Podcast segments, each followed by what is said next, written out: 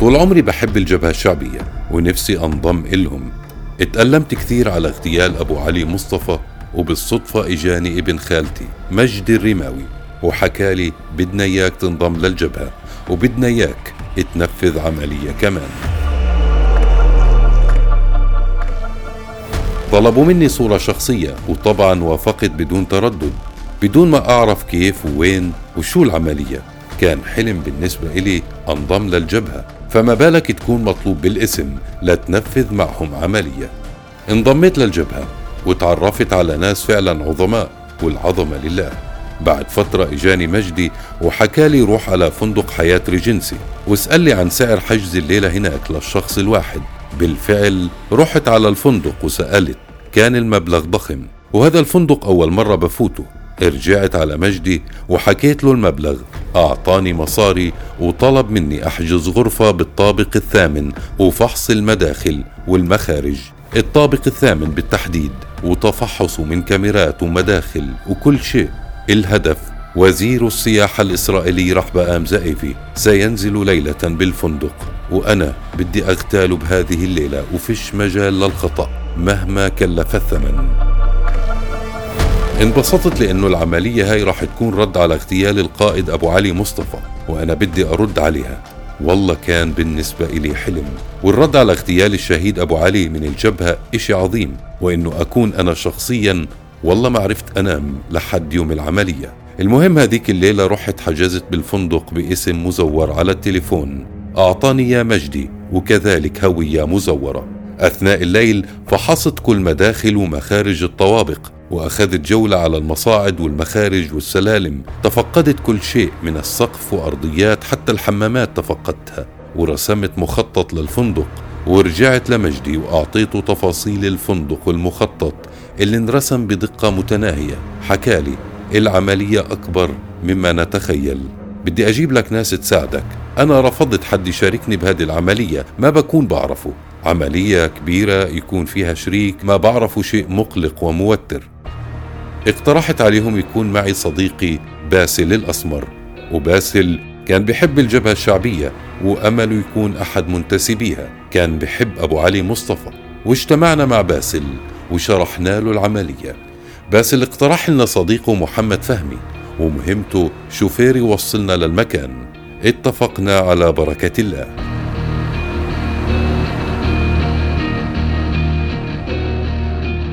اجتمعنا مع أحمد سعدات أمين عام الجبهة الشعبية ومع عاهد أبو غلمة القائد العام لكتائب أبو علي مصطفى. وشرحوا لنا وحكوا لنا عن الخطة وأنه راح يكون لهذه العملية صدى عالمي. أعطونا مسدسات كاتمة للصوت وجريدة عليها صورة للوزير وسيارة ذهبية أرقامها إسرائيلية. طلبوا منا ما بين الخامسة والسابعة. بيطلع الوزير ليفطر وشوية تفاصيل دهشت. كيف يعرفونها؟ وحطوا لنا الخطة بالتفصيل ولازم نمشي عليها حرفيا. وبالفعل بتاريخ 16 10 2001 دخلنا الفندق الغرفة في الطابق الثامن. دخلنا بأسماء مزيفة. مشكلتنا كانت بالشوفير. وين بده ينام؟ وهاي إحدى الثغرات. كان في بيت لصاحبي قريب من الفندق. رنيت عليه وحكيت له نسيبي جاي من الأردن وهو بمنطقتك. وبده ينام عندك حتى الفجر. ودبرنا. طلعنا للفندق. للطابق رقم ثمانية. غرفة الوزير كانت بعيدة خمسة أمتار عن مخرج الطوارئ ومترين عن المصعد ومترين عن الدرج. أصابنا القلق. يقدر يهرب أو يجي حد. يقدر يكشفنا وتفشل العملية. ضلينا للفجر صحين ورنيت على محمد فهمي قبل الفجر. إجاني وأخذت ثلاث مسدسات أخفيناهم بالسيارة وطلعت من درج الطوارئ اللي ورا الفندق. طلعت ثمان طوابق مشي. أعطيت الأسمر مسدس ومسدس لمجدي ومعي مسدس. وعلى الفجر اطلعت من الشباك كانت سيارة الوزير موجودة. عرفت إنه لساته موجود. سمعت صوته. طالع يفطر. فتحت باب الغرفة. لمحته. واتفقنا. مجدي على مدخل المصعد والدرج والأسمر يوقف عند مخرج الطوارئ عشان ما حدا يوصل لنا ويقدر يخرب علينا المخطط. وبالفعل طلع الوزير وبده يفتح باب الغرفة. ناديناه. أنت. لف وجهه علي وبعدها زغرت كاتم الصوت بثلاث طلقات واحدة برأسه كانت القاضية. ما كان بعيد عني وكانت المسافة صفر. وللحظة حسيت بالنفس الأخير إله بوجهي. سقط أرضا غارقا بدمه. كتبنا ورقة إن الجبهة الشعبية تتبنى العملية وهي رد على اغتيال أبو علي مصطفى وعلقناها على الباب وانسحبنا من مخرج الطوارئ. اتصلت بمحمد فهمي وبلغناه إنه يلا تحرك العملية تمت بنجاح. السيارة ما رضيت تشتغل حسب ما حكى لنا فهمي على التليفون وتركناه بحاول يشغلها وإحنا انسحبنا. مش ثاني يوم أمريكا حكت إنه هالعمل جبان وإنه سيتم محاسبة الفاعلين اللي نفذوا العملية. كانت أصداء العملية كبيرة. اغتيال وزير صهيوني يعني ما في صهيوني بفلسطين بأمان. عملية أرعبت الجميع. قوات الاحتلال اعتقلت محمد فهمي وصارت أسماءنا لدى الاحتلال. تخفينا ما يقارب ثلاثة أشهر وبشهر واحد 2002 حاصر جيش الاحتلال المبنى اللي تواجدنا فيه وعرفوا إنه إحنا عند السلطة وهددونا يهدوا المبنى على رؤوسنا. ألقي القبض علينا وحكمنا مؤبدات. أنا حمدي قرعان المنفذ ومجد الرماوي وباسل الأسمر حكمونا كمنفذين للعملية. أحمد سعدات وعاهد أبو غلمة تم الحكم عليهم كمخططين. حكم بالمؤبد.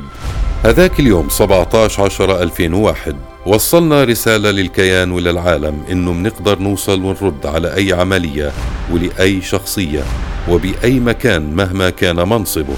وما في أي قوة بتمنع إنه نرد ونرد ونعمل اللي بنخطط له. هينا حاليا في سجونهم بنخوض عمليات ثانية.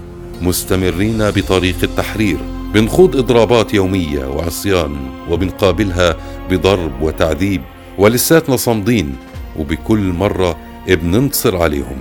17 أكتوبر يوم لا ينسى. 17 أكتوبر زغرة كاتم الصوت.